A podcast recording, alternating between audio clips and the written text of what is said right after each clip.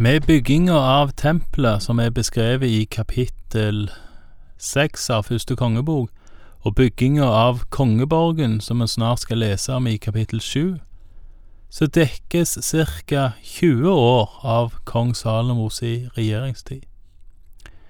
Det er år som kjennetegnes med en vanvittig byggeaktivitet, en ekstrem rikdom og en veldig pågangsmot. Men det kom òg med en pris. Men sjøl om det kom med en pris, så må det menneskelig sett, og òg kanskje fra Guds perspektiv, ha sett veldig bra ut og veldig fint ut, det som kong Salomo bygde. Som sagt, første kongebok kapittel seks handler om bygging av tempelet. Nå skal vi lese om bygninga av det som kalles for kongeborgen, i første kongebok kapittel sju vers én. Salomo bygde på kongeborgen sin i 13 år før han fikk den ferdig. Han bygde Libanon-skoghuset. Det var 100 alen langt, 50 alen bredt og 30 alen høyt. Det hadde fire rader med søyler av sedertre, og oppå søylene var det sederbjelker. Det var et tak av sedertre over takbjelkene som lå ned mot søylene. I alt var det 45, 15 i hver rad. Huset hadde tre rader vinduer med karmer. Vinduene lå rett imot hverandre i tre høyder. Alle dørene og vinduene hadde firkantede karmer og vendte rett imot hverandre i tre høyder. Han bygde også søylehallen, som var 50 alen lang og 30 alen bred. Foran den var det en forhall med søyler med et skjermtak foran. Dessuten bygde han tronhallen, også kalt domshallen, for der holdt han rettergang. Han kledde den med sedertre fra gulv til tak. Hans eget hus, det som han bodde i, lå i den andre gården innenfor forhallen. Det var bygd på den samme måten. Salomo bygde også et hus for faraos datter, som han hadde giftet seg med. Det lignet forhallen. Her er det minst to mulige forståelser av hva som beskrives, og det gjelder særlig det som kalles Libanon-skoghuset helt i starten. Den ene er at Libanon-skoghuset er en bygning i skogen i Libanon. At det er mer som et slags feriepalass. Det kan nok stemme, og det er vel flere som hevder og tror det, men jeg tror nok heller at det som kalles Libanon-skoghuset her, har navnet sitt fordi det blei bygd med fire rader av sedertresøyler fra skogene i Libanon, og ikke at det var selve huset som lå i Libanon. Jeg tror derfor at dette huset, som kalles Libanon-skoghuset, var en del av kongeborgen, sammen med søylehallen, forhallen, tronhallen, huset til kong Salomo og huset til faraos datter, som vi har hørt om nettopp. Alle disse veldige byggverk utgjorde da ulike deler av det som ble kalt for kongeborgen. Jeg tror alle bygga lå sammen i Jerusalem, og som det står, så trengte Salomo 13 år på å bygge de. Vi leser videre fra vers 9. Alle disse bygningene var av kostbare steiner som var hogget etter mål. De var skåret til med steinsag, både på innsiden og utsiden, fra grunnmuren til gesimsen og på yttersiden ut mot den store borggården. Grunnmuren var av kostbare og store steiner, steiner på ti alen og åtte alen. Over dem var det kostbare steiner som var hogget etter mål, og sedertre. Rundt den store forgården var det tre lag med tilhogget stein og ett lag med sederbjelker. Slik var det også rundt den indre forgården til Herrens hus og rundt forhallen. Det må ha vært et veldig syn å komme til Jerusalem på denne tida og se de veldige byggverk som Salomo fikk oppført. Alle bygningene blei bygd i kostbar stein, står det. Alle steinene blei hugga og tilpassa på begge sider, altså både på innsida og utsida, og da for så vidt òg endene etter mål. Grunnmuren var lagt, leste vi, med steiner på ti og åtte alen, eller da fem og fire meter lange. Store og tunge, stabile steiner, med andre ord. Det største byggmerket som nevnes, er det første bygget som vi leste om, altså dette Libanon-skoghuset. Det var 100 alen langt, eller da ca. 50 meter. Det var 50 alen bredt, eller da ca. 25 meter. Og 30 alen høyt, noe som gir en høyde på 15 meter ca. 50 meter ganger 25 meter, det gir 1250 kvadratmeter. Så det var nok i alle fall et hus som var over 1000 kvadratmeter stort. 1000 kvadratmeter og holdt oppe av kun fire søylerekker.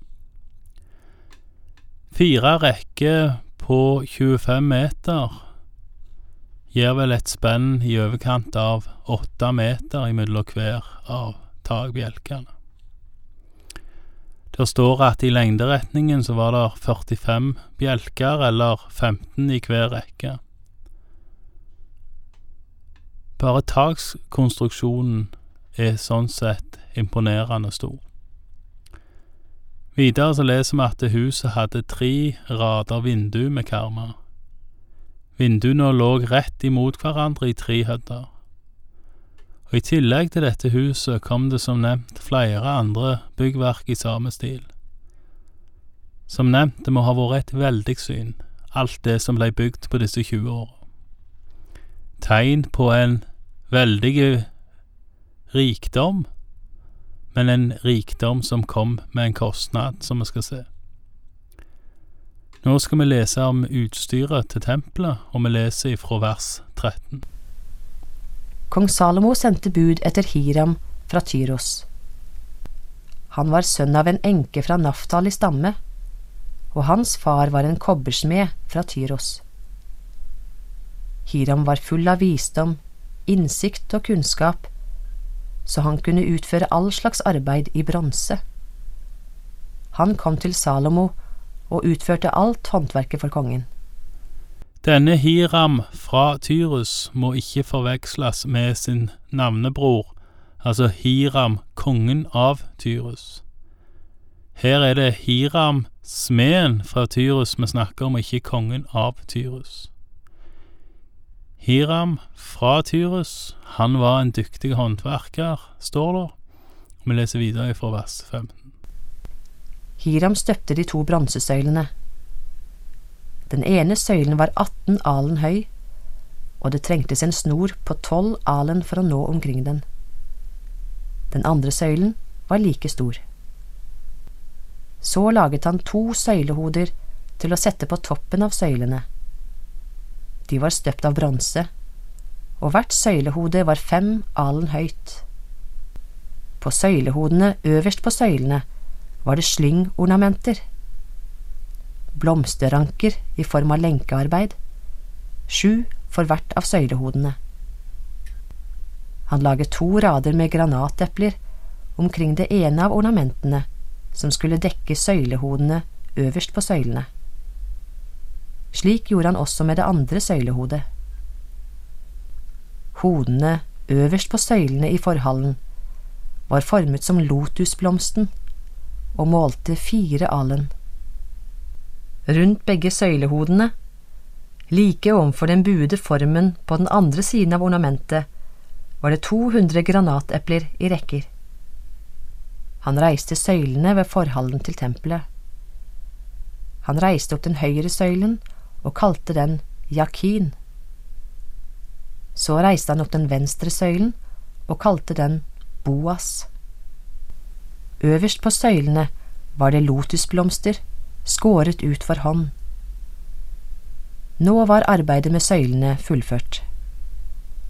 Jakin betyr, sånn som jeg forstår det, han vil bygge opp, eller Gud vil bygge opp, og Boas betyr styrke. Disse to søylene skal da minne oss om at Gud både starter opp og han har styrke til å opprettholde. Vi leser videre fra vers 23. Så laget han havet av støpt metall. Det var sirkelformet og målte ti alen fra kant til kant. Høyden var fem alen, og omkretsen målte 30 alen med målesnor. Nedenfor kanten var det prydgresskar hele veien rundt. De omkranset hele havet, ti på hver alen. Det var to rader med gresskarutsmykning, støpt i ett med havet. Havet sto på tolv okser. Tre av dem vendte mot nord, tre mot vest, tre mot sør og tre mot øst, og de sto alle med bakkroppen innover. Havet hvilte på dem. Det var en håndsbredd tykt, og kanten var laget som kanten på et beger, formet som en lotusblomst. Havet rommet 2000 batt. Dette er havet som blei brukt for at prestene skulle rense seg som en del av gudstjenesten eller tilbedelsen i tempelet. Det havet, det var stort. Fem meter i diameter og ca. to og en halv meter høyt. Det sto på tolv okser, leste vi, tre i hver himmelretning. Hvor stor en bat er, altså volumenheten eller lengdeenheten den alen, for den del, det er som tidligere nevnt vanskelig å si. Men uansett så var det et stort fat, og var det ca. fem meter i diameter og forma som ei halvkule, så kunne det vel ta ca. 30 kubikkmeter med vann og det ville gi ei vekt av vannet aleine på 30 tonn.